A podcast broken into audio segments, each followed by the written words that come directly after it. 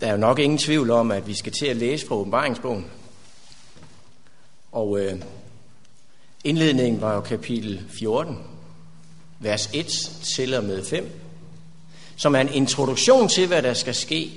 Og nu ved jeg ikke, hvor mange af jer, der kender åbenbaringsbogen, så godt at I ved. Hvad sker der efter den introduktion, vi har læst her?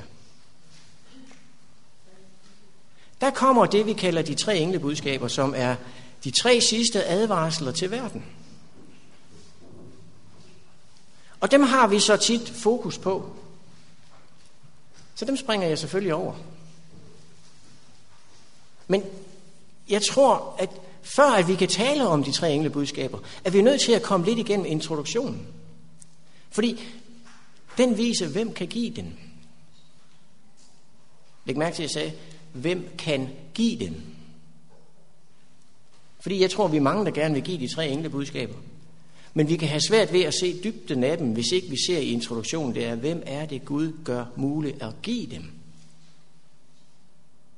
Og nogle gange er jeg lidt bekymret for, at grund til, at vi ikke hører så meget om de tre englebudskaber, er fordi vi ikke føler, at vi er i stand til at give dem på den rigtige måde.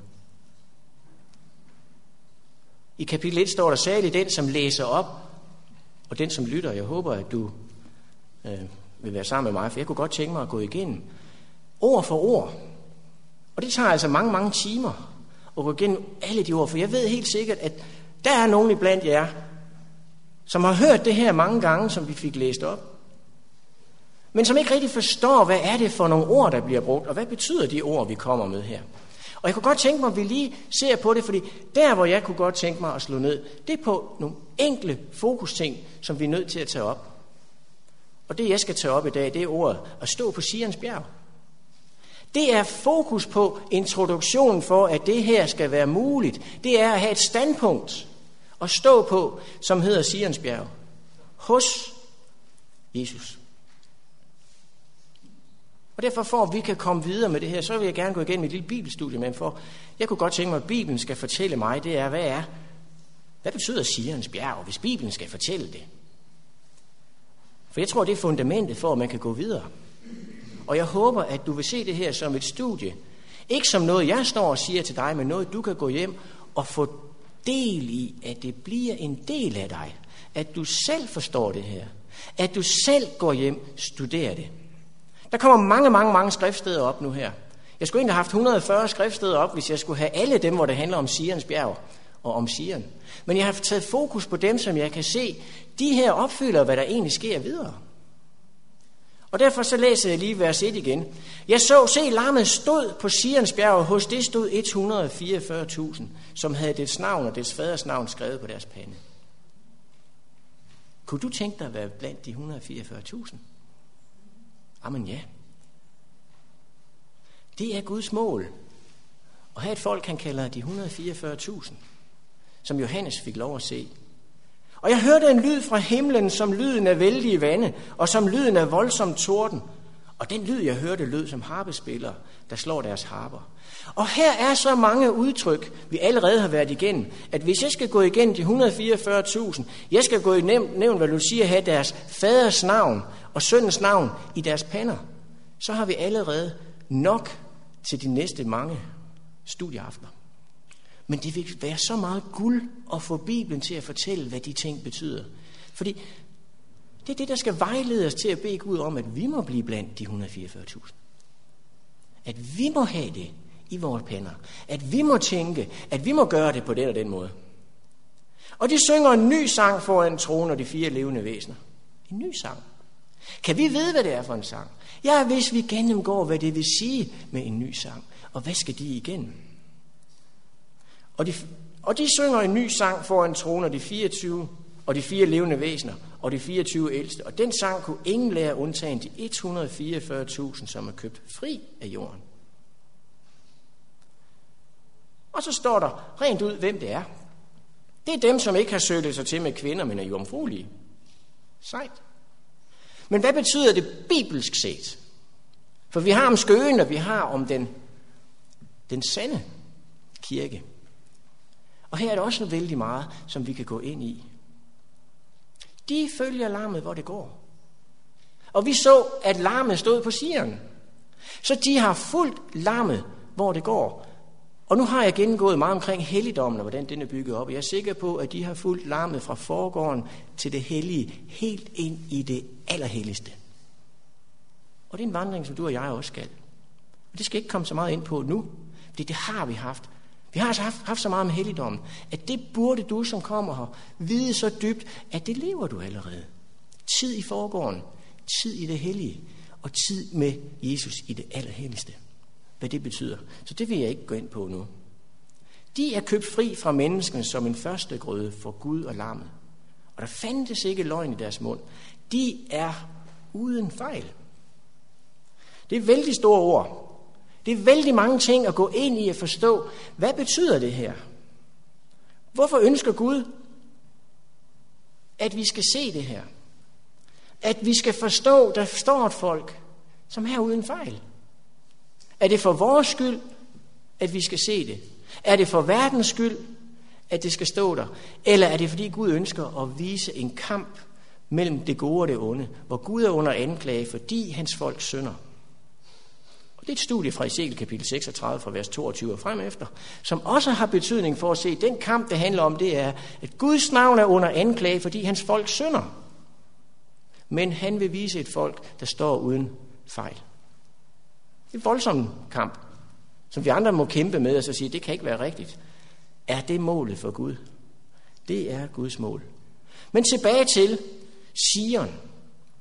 Tilbage til Sion, for vi skal starte med at finde ud af, hvad betyder det, det her med Sion? Og første konge 8.1, der har vi et vældig godt sted, hvor der står, Derpå kaldte kongen Salomo, Israels ældste og alle stammehøvdingene, overhovederne for israeliternes forfædre, fædrene hus, hos sig i Jerusalem, for at, høre herrens, for at føre herrens pagt op fra Davids byen, det samme som Sion.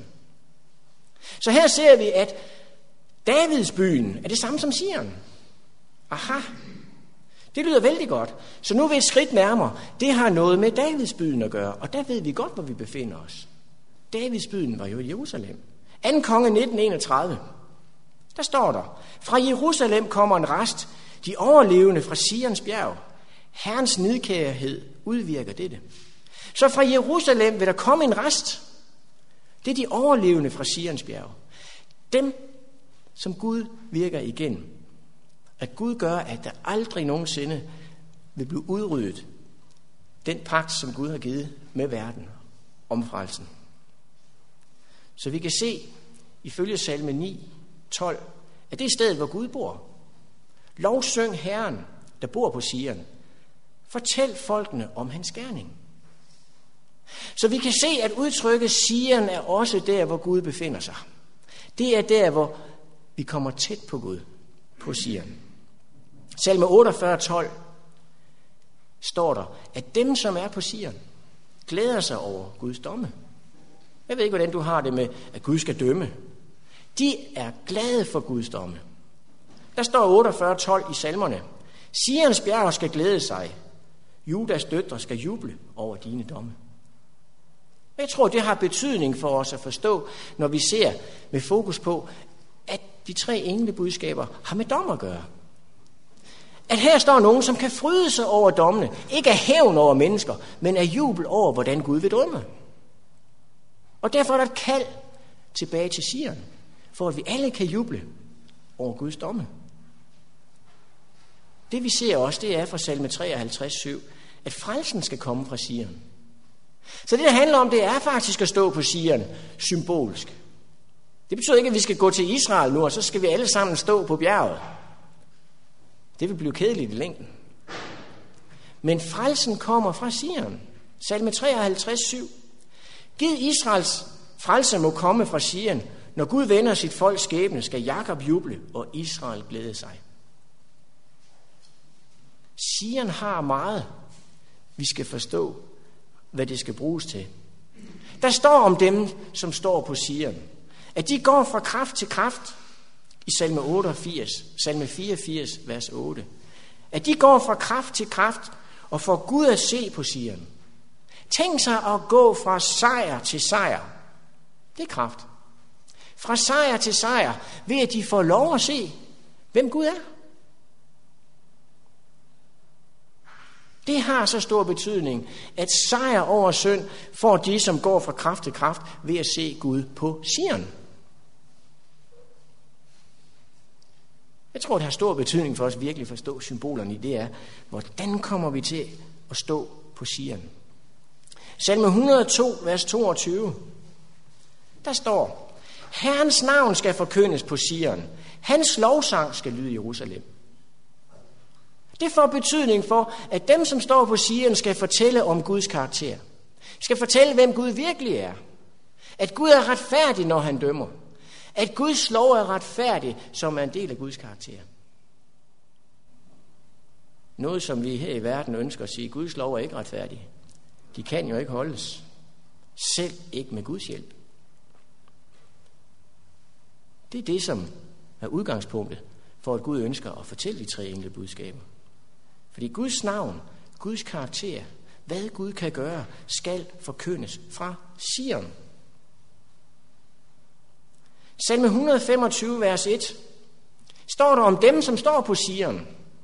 Der er en valgfartssang, som, som begynder. De, der stoler på Herren, er som Sions bjerg. Det, er ikke, det rokkes ikke. Det står fast for evigt. Så Sion vil altid stå for det, det står for. Og dem, der står på Sion, vil altid stå for det, det står for. Det har noget med det evige evangelium, som det starter med i de tre enkelte budskaber. Det evige evangelium, som vi har så svært ved at forstå, var det, at Jesus døde på korset. Det var et evangelium. Det var starten på noget, som skulle blive det evige evangelium. Kristus i jer er det evige evangelium. Så de står, de stoler på Herren og står fast på det, de ser på Sion. Og de bygger på klippen. For man kan sige, at Sion er også den klippe, er også Kristus, som er den. I Lukas 6, 46, der står der, hvor Jesus siger noget, som egentlig vi godt kan tænke over. Hvorfor siger I herre, herre til mig, når I ikke gør, hvad jeg siger? Der er rigtig mange, der ser Jesus som klippen. Men de stiller sig ikke der, hvor Jesus beder dem om at stille sig. De åbner ikke op, når han banker på. De har ikke tid til at gøre det, som Jesus ønsker, de skal gøre. Som ønsker dem tilbage til ordet, for at han kan stille dem på sigeren og gøre dem fri. En hver, som kommer til mig og hører mine ord og handler efter dem. Hvem han ligner, vil jeg vise jer.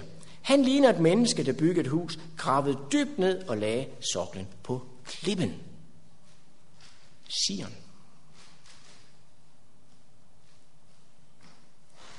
Så det at bygge på klippen, bygge på Kristus, har noget at gøre med den pagt, som vi finder ved forhold til Kristus.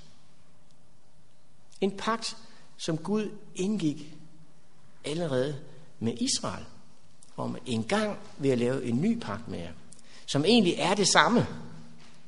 Hvor den gamle pagt har fokus på, hvordan Gud vil du kunne lægge loven i hjertet.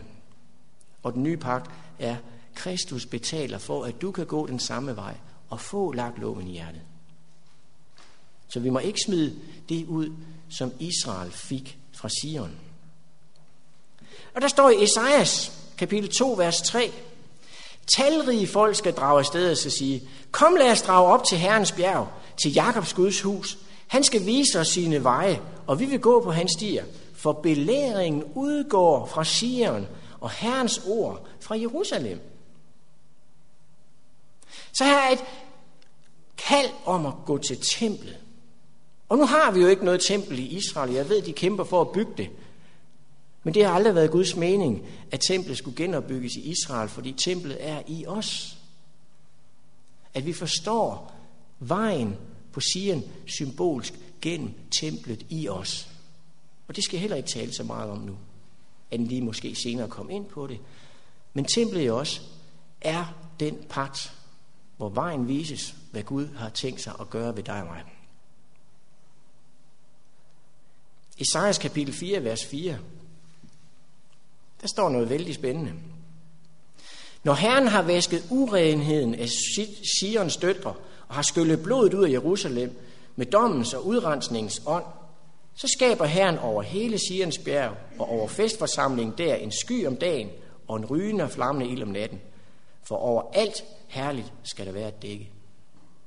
Så her er et løfte fra Gud om, at jeg fjerner jeres synd, og jeg giver jer sejr over synd, og jeg vil dække over jer. Jeg vil tage jer til mig, og jeg vil være jeres Gud, og I skal være mit folk. Og videre i Esajas kapitel 14, vers 32. Hvem skal svare folkenes sendebud? At Herren har grundlagt Sion, og der skal hans hjælpeløse folk søge tilflugt. Så hvem skal svare folkenes sendebud? At Herren har grundlagt Sion. Og det er der, hans hjælpeløse folk skal søge tilflugt. Det er et spørgsmål, som viser de tre englebudskaber, når de kommer. Så Guds sendebud, de skal vide, at tilflugten for hjælpeløse er på Sion. Sendebudene skal få brug for det her, fordi det er det, som er starten på de tre englebudskaber. Det kan godt være, at du begynder at synes, at det her det bliver meget forvirrende. Jeg forstår ikke så meget af det her. Men jo mere vi går ind i det, jo dybere ser vi en forståelse. Jeg skal nok prøve at samle det sammen bagefter. Men der står videre i Esajas kapitel 28, vers 16. Derfor siger Gud Herren, se i Sion ligger jeg en grundsten, en prøvet sten. Det er en kostbar hjørnesten, der lægges. Den, der tror, skal ikke være urolig. Så Guds prøvesten lægges på Sion. Og vi testes ud fra den her prøvesten, som vi skal bygge vores tro på. Og vi ved godt, at Kristus kom som den sten, vi bliver prøvet på. Men stadig prøves vi på den sten. Men Jesus er her jo ikke. Men han har lovet, at følger vi vejen gennem Sion, igennem hans ord, igennem forståelsen af, hvad tempeltjenesten bygger på. Hvad tempeltjenesten bygger på. Det var det, der foregik på Sion. Det har noget med forståelsen af tempeltjenesten. At forstår vi den og lever den, så er Jesus den prøvesten, som gør, at han kan fri mig igen, at jeg oplever det, som er målet med at stå hos lammet på Sion. Stå hos Kristus i den pagt, som hans helligdomstjeneste viser. Esajas kapitel 29, vers 8. Og her står en advarsel, som egentlig også passer med de tre englebudskaber, og som jeg ser ud fra åbenbaringsbogen, det er, det her kommer til at ske. Alle, der bringer trængsel over det, skal få det som den sultne, der drømmer, at han spiser, men stadig er sulten, når han vågner. Som den tørstige, der drømmer, at han drikker, men stadig er udmattet og tørstig, når han vågner. Sådan går det alle de folk, der fører krig mod Sions bjerg. De religioner, den kristendom, som ændrer på Guds vej til frelse gennem pakten på Sion, i Guds helligdom, i tempeltjenesten. De, der vil gå imod det budskab, vil stå, som vi også kommer til i åbenbaringsbogen, med uro og ikke få fred og ikke se en sejr over det, som Gud har lovet dem. Og det ser vi i den tredje engels budskab, hvor de ikke finder hvile. Esajas kapitel 33, vers 14. På Sion skal syndere ryste af angst. De gudløse gribes af redsel. Hvem af os kan bo ved den fortærende ild?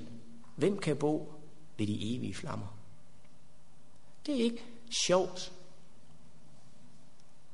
at se, hvem man er, i forhold til, hvad Gud ønsker, vi skal være. Så det er ikke forkert at ryste af angst, men det er forkert at ryste af angst og løbe sin vej, uden at bede Gud om hjælp. Hvem også kan bo ved den fortærende ild? Min nåde er dig nok. Om du vil følge mig, lammet, gennem helligdommen. Følge lammet, hvor det går. Så vil lammet få dig igen, at du kan stå på Sion uden at ryste af angst.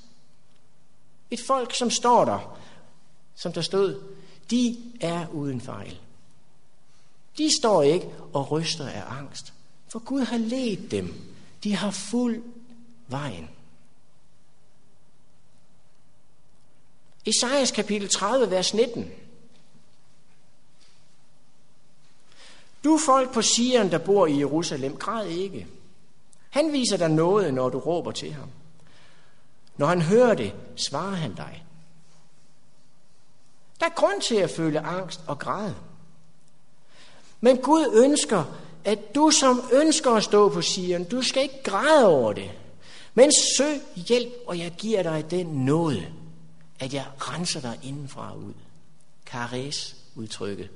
En påvirkning indefra. I oversættelsen står der en guddommelig påvirkning indefra og ud.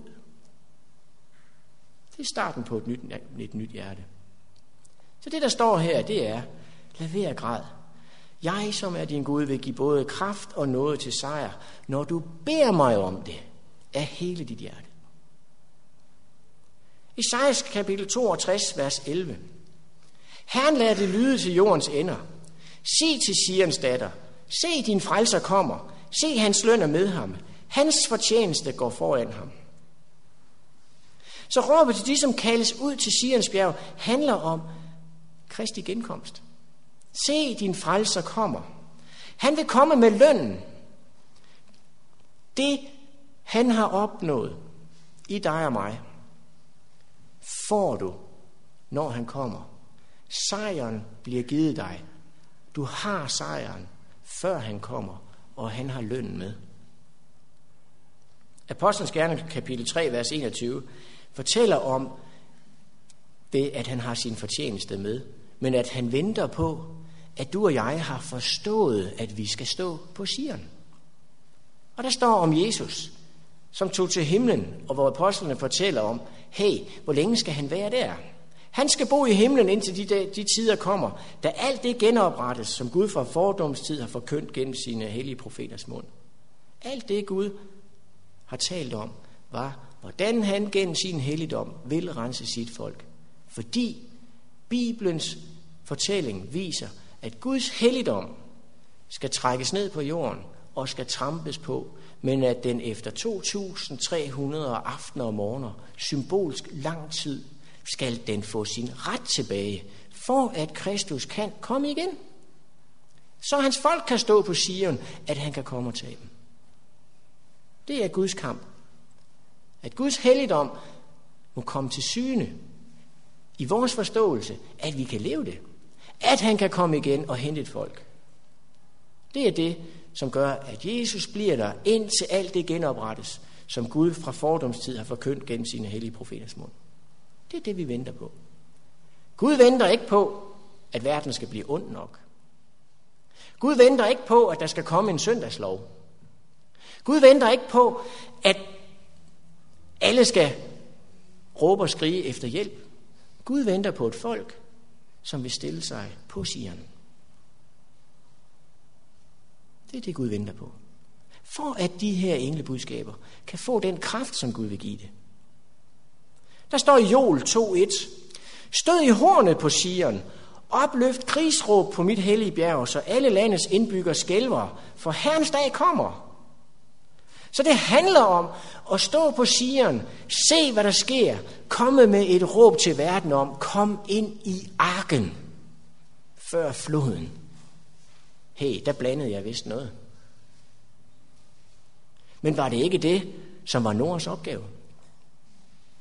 Var det ikke over for et folk, som ikke gad høre det? Føler vi, at vi står som Nora, og gerne vil råbe det ud, men de vil jo ikke høre på Noras tid. Så hvorfor besvære sig? Jeg tror ikke, du kan lade være med at komme med råbet, når du står på sigeren og ser, hvad frelsen virkelig er. Man kan også sige, at det første engels budskab er et krigsåb om, at Jesus kommer igen. Det er hentet fra Joel 2.1. Frygt Gud, for nu er hans domstime kommet. Joel kapitel 2, vers 23.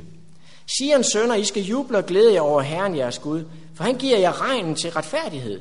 Han sender jer regnskyld, efterårsregn og forårsregn som før. Så Sions sønner, I venter på silderegnen. Den ånd, som skal få det her til at være. Men husk, Han sender også den regn, som skal få jer til at vokse, at I kommer til at stå på Sion, at han kan sende den regn, der modner jer. Så I skal juble og glæde jer over Herren jeres Gud, for han giver jer regnen. Han giver den sildigregn, du får brug for. Men hvis ikke du tager imod den forårsregn, der skal til, at du vokser i troen, så kan han ikke modne dig. Og det er det, Gud venter på, det er at få lov at sende den regn, som modner dig, når du begynder din vandring med lammet på Sion. Jol kapitel 3, vers 5. En hver, som påkalder Herrens navn, skal frelses. For på Sions bjerg og Jerusalem skal der være redning, som Herren har sagt. For de undslupne, som Herren kalder på. Så alle, som kalder på Gud ud fra det, han har givet af løfter, skal frelses. Ud fra Herrens navn. Ud fra den karakter, i hvilken Gud har givet os de ti bud. Ud fra dem påkalder vi Herren. Og der vil vi frelses. For på Sions bjerg, her bliver det muligt, at den pagt med loven i hjertet, Guds karakter, kommer, at Kristus i os gør, at nu er det ikke mig, der lever, men Kristus lever i mig. At de handlinger, jeg gør, er modsatte af dem, jeg egentlig selv ville have gjort, fordi mit fokus og det, jeg lever af, ikke er den her verden. Mika, kapitel 4, vers 2. Talrige folkeslag skal drage afsted og sige, Kom lad os drage op til Herrens bjerg, til Jakobs Guds hus. Han skal vise os sine veje, og vi vil gå på hans stier, for belæringen udgår fra Sion, og Herrens ord fra Jerusalem. Så det kan være en reaktion, som vi ser på, at om vi virkelig gik ud med de tre englebudskaber, så ville folkeslag sige, hvor lyder det rigtigt, kom lad os gå tilbage. Og jeg læser en åbenbaringsbogen på et tidspunkt om en skare, som ikke kunne tælles. Jeg tror, at det giver effekt at gå ud med de tre enkle budskaber. Og det ved Satan. Det var hans primære opgave, at stille folket der, hvor helligdommen ikke kan komme til sin ret, fordi folket ikke går mod Sion. Så det, at helligdommen trampes ned på jorden, har ikke med den katolske kirke at gøre kun, men også med dit og mit liv. Kan han holde os fra Sion? Så vil talrige folkeslag ikke sige, kom, lad os også gå derhen, for belæringen kommer fra Guds helligdom, fra Sion, fra det, jeg lærer gennem forgården, det hellige og det allerhelligste. Forgården, retfærdiggørelse ved tro, det hellige, helliggørelsen, og det allerhelligste, herliggørelsen. Små stikord, Gå ind på lyttilgud.dk. Lyt til templet i os. Eller nogle af de andre om templet. Og så vil du begynde at forstå, hvordan jeg lever det. Så kort resume af de få skriftsteder, som egentlig er ret mange til en gudstjeneste, som fortæller lidt om, hvordan de mennesker, der står på siden, tænker og handler og har tillid til. For det første, siger han, ved de, at det der sted, hvor Guds lov er. Det er første konger 8.1. Det er stedet, hvor Gud handler ud fra, og hvor han dømmer til glæde for, for Sions folk. Frelsen kommer fra Sion. De, der er på Sion, går fra sejr til sejr, og ser, at Gud giver dem frelse fra synden. De forkynder Guds karakter fra Sion, fordi Gud lægger sin lov i deres hjerter. De har lært at lægge alt i Guds hænder og har tillid til, at han fører dem til sejr. De står fast og har udholdenhed. Er det ikke det, der står? Her kræver det udholdenhed af de, som holder fast ved Guds bud og har Jesu tro. Det giver et kald om at møde Gud i templet, hvor vi lærer om Guds lov, om løfterne i Guds ord om sejr. Ifølge Esajas kapitel 2-3. Det er på Sion, at Gud hjælper sit hjælpeløse folk. Og det er også Esajas kapitel 14, 32. Og så står der, at Gud tester sit folk ud fra Sion, om de har tro og tillid til Kristus. Om de virkelig tror, at han kan føre dem til sejr over synd. At de virkelig tror, at de med Guds hjælp kan holde den lov, som ligger i pagtens ark, Pagtens ark. Løftet om, at det her er det, jeg vil lægge i dig. Men tror du det? Ja, når du kommer. Når du kommer, Jesus, så lægger du den i os, men ikke før. Men du som er spedalsk, I som er spedalske, 10 styks, jeg vil gerne frelse jer. Jeg vil gerne redde jer. Men gå ind til Jerusalem og lad jer blive synet. Nej, vi skal nok gå derind, når du har helbredt os. Vi må ikke gå derind før. Nej, det var ikke det, de sagde. De gik, og i vandringen og tilliden til, at Gud har lovet det, så blev de helbredt. Det var det, det skulle symbolisere. Men det er ikke nok med helbredelse. Det handlede også om et forhold. Og en ud af ti fik det forhold, på trods af helbredelsen. Noget er nok for mange. Men forholdet er der ikke mange, der er interesseret i. Det kan vi så også lære noget af. Vejen til Sion er at følge lammet, hvor det går. Noget er dig nok, men den vandring med mig skaber, at du forstår, hvad nåden er. At det ikke bliver en billig noget, at jeg tilgiver dig lukker øjnene for, at du synder. Det er billig noget. Der står videre, at Gud renser dem fra synd og beskytter dem mod synd, ifølge Esajas kapitel 4:4. De, som går imod det her budskab, som kommer, imod de tre englebudskaber, imod budskabet fra Sion, vil ikke finde hvile eller føle, at de mættes, ifølge Ezekiel 29.8. De vil komme med et råb om, at Kristus kommer igen, ud fra dem, som står på Sion, ifølge Esajas 62.11. Og vi ved, at den første engels budskab om, at nu er domstiden kommet, ser vi også fra Joel kapitel 2.1. Det, de bliver lovet på Sion, det er både den regn, som får dem til at vokse, men også den afsluttende regn, som skal få det til at modnes, at han står med et folk. Det er folk, som Gud venter på. Alle, som kalder på Gud ud fra hans karakter og løfter, skal frelses. Og vi finder redningen på Sion. Gennem det, Kristus gjorde. Gennem det, han fortsat gør i sin helligdom for dig og mig. Og vi ser, at reaktionen på de tre englebudskaber, det er, at talrige folkeslag vil følge Gud ud fra, hvad de lærer fra Sion, ifølge Mika 4.2. Så har det betydning for det her folk, som går ud med det her budskab, at forstå, hvad det vil sige at stå på Sion. Det er svært at gå ud med et budskab om, at nu dømmer Gud, og nu er det bare med, får du en over nakken. Hvis jeg ikke står på siden, Så vil jeg misforstå, hvad budskabet er.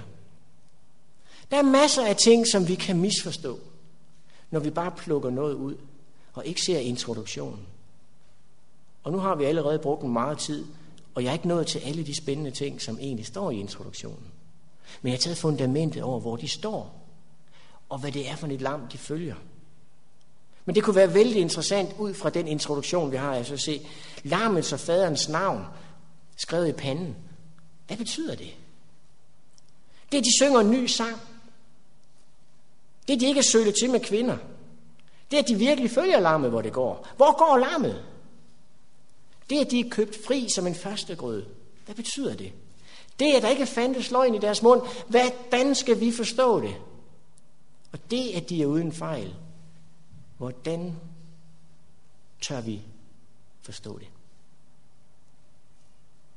Det er introduktionen til at være i stand til virkelig at stå med kraft og overbevise en verden om, at Gud er kærlighed, at Gud har vist sin vej til loven i hjertet gennem sin helligdom, som vi skal forstå ligger på Sion, for på Sion er Jerusalem, og Jerusalem er en hellig by på grund af templet, som var et helligt tempel, fordi templet indeholdte en hellig lov.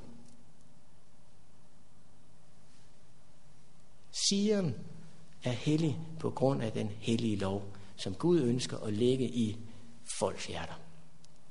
Derfor har Satan travlt med at holde os væk fra Sion. Tro på løfterne, men ikke gå på dem. Tro på løfterne, men ikke gå på dem.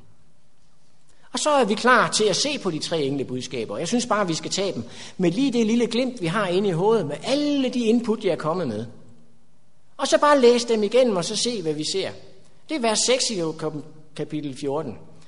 Jeg så endnu en engel midt op under himlen. Den havde et evigt evangelium at forkynde for dem, der bor på jorden, og for alle folkeslag, stammer, tungemål og folk. Og englen sagde med høj røst, et evigt evangelium.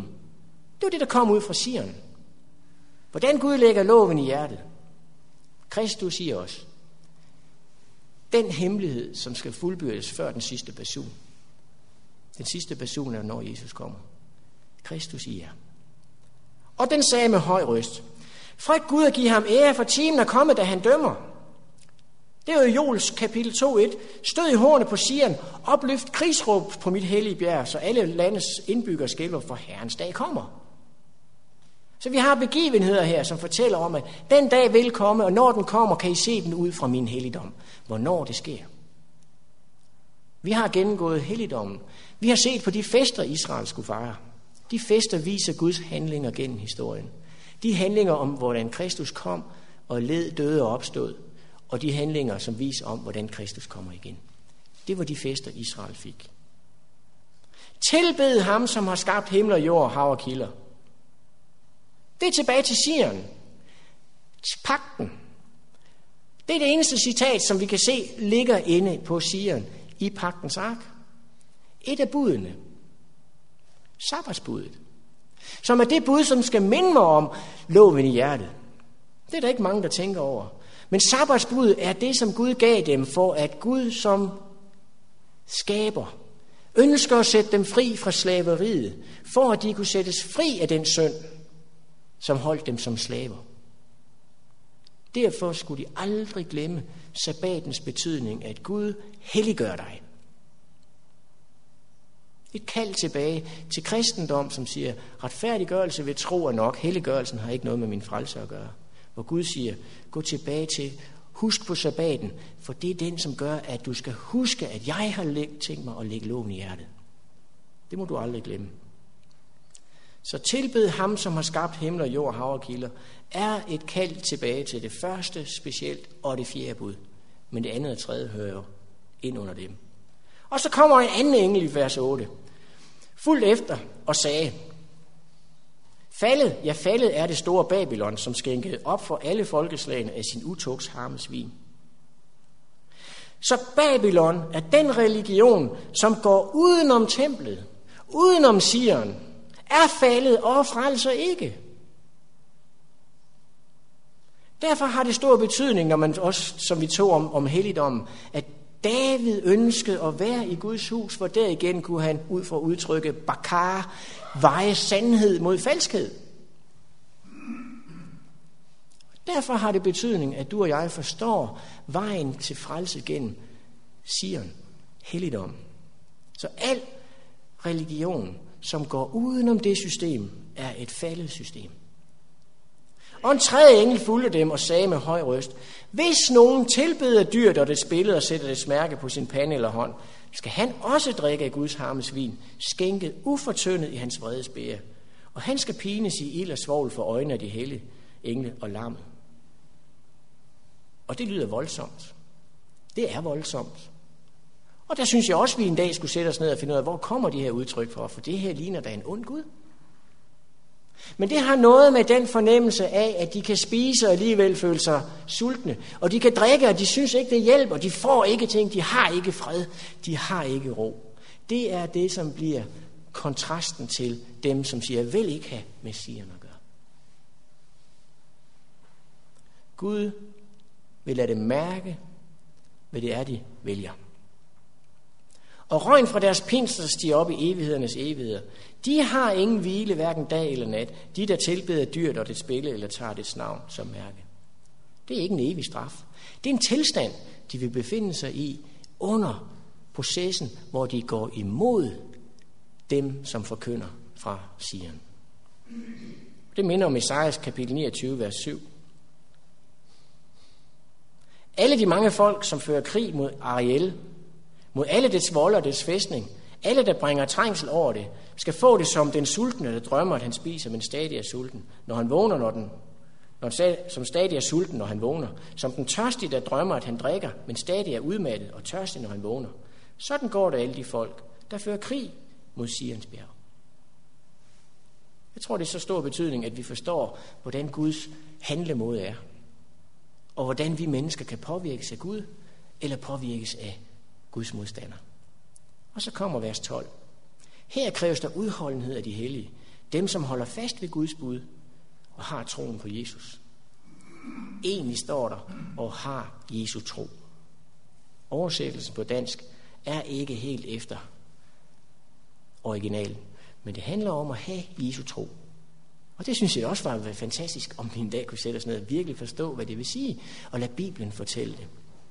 Så her står der, de har lært at lægge alt i Guds hænder, og har tillid til, at han vil føre dem til sejr. De har udholdenheden. Salme 125.1, hvad stod der? De, der stoler på Herren, er som Sions bjerg. Det rokkes ikke. Det står fast for evigt, og jeg ved, om du skal bygge på klippen og lade dit hus stå på klippen, så må du bygge på Sion.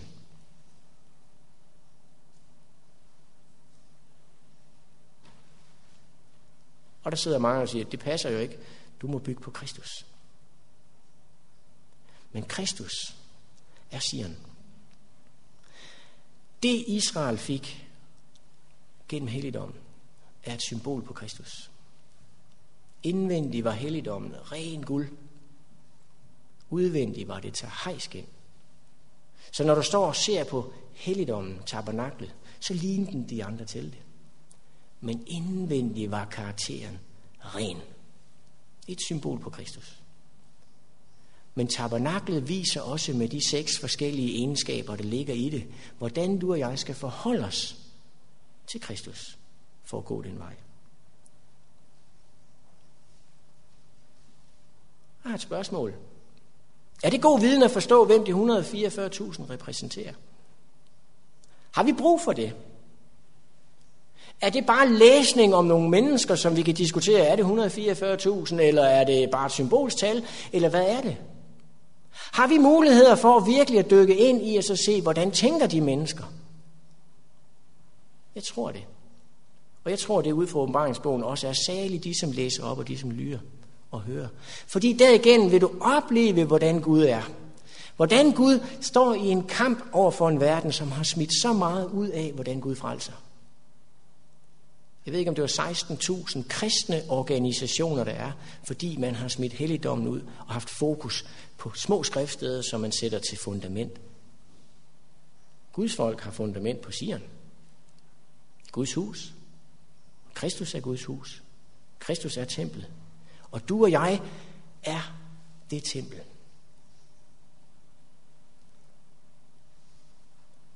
Nu ved jeg godt, at jeg står og læser en masse rigdom af. Det er Guds ord. Det er vigtigt at forstå det her.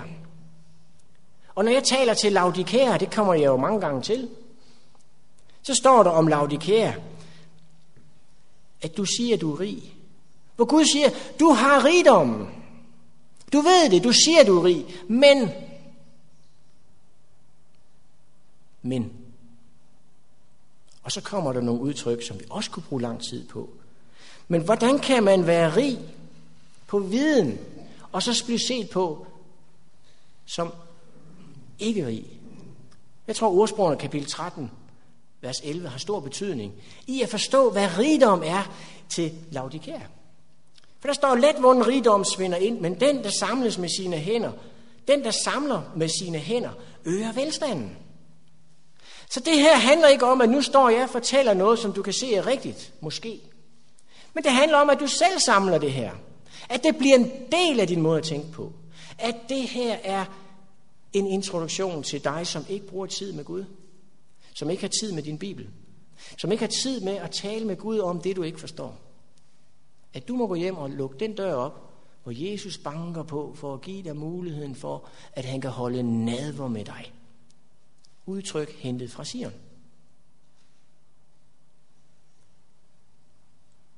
Min bøn for alle dem, jeg møder, er, at de må forstå det forhold til Gud, de får gennem vejen, gennem helligdommen. At de kan tale med Gud om deres bekymringer og problemer. At de kan have tillid til, at han vil rense dem. Han kom med vandet og med blodet. At de har tid til Gud, hvem er du Gud? At de tager skuebrødet. At de har tid til med røgelsen, og lad røgelsen stige op til Gud og sige, Gud hjælp mig, at det jeg har set, hvem du er, at jeg må skinne for andre. At Gud, du har lovet, at den lov, jeg kender fra det allerhelligste, må blive en del af mig, ved den vandring, jeg gør gennem dit telt. Det er mit ønske, at vi må forvandles efter det, vi skuer gennem Guds frelsesplan.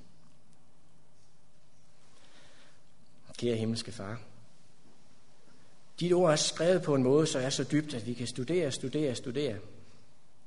Men far, det handler ikke om viden, det handler om at leve noget, som du har givet os. Alt, hvad vi læser i dit ord, skal hjælpe os til at råbe til dig om hjælp.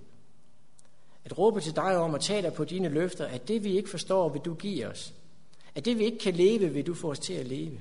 At det, vi ikke vil fortælle andre, vil du få os til at fortælle. Kære far, jeg beder om, du vil hjælpe os hver især, at vi må i det mindste bede dig om hjælp og indrømme over for dig, at far, vi lever ikke op til det her. Men om det er muligt, at du kan gøre det, så tror jeg det, men hjælp min vantro. Kære far, jeg ved, at du ønsker at se os alle i himlen, og du ønsker at afslutte den her verden. Men du ønsker at se dit folk gå med det budskab om Sion, at folk kan tage imod det. Hjælp os at være lys i den verden. Hjælp os hver især, at vi hver især må stå der, at det må føre til andre mennesker må stille sig samme sted.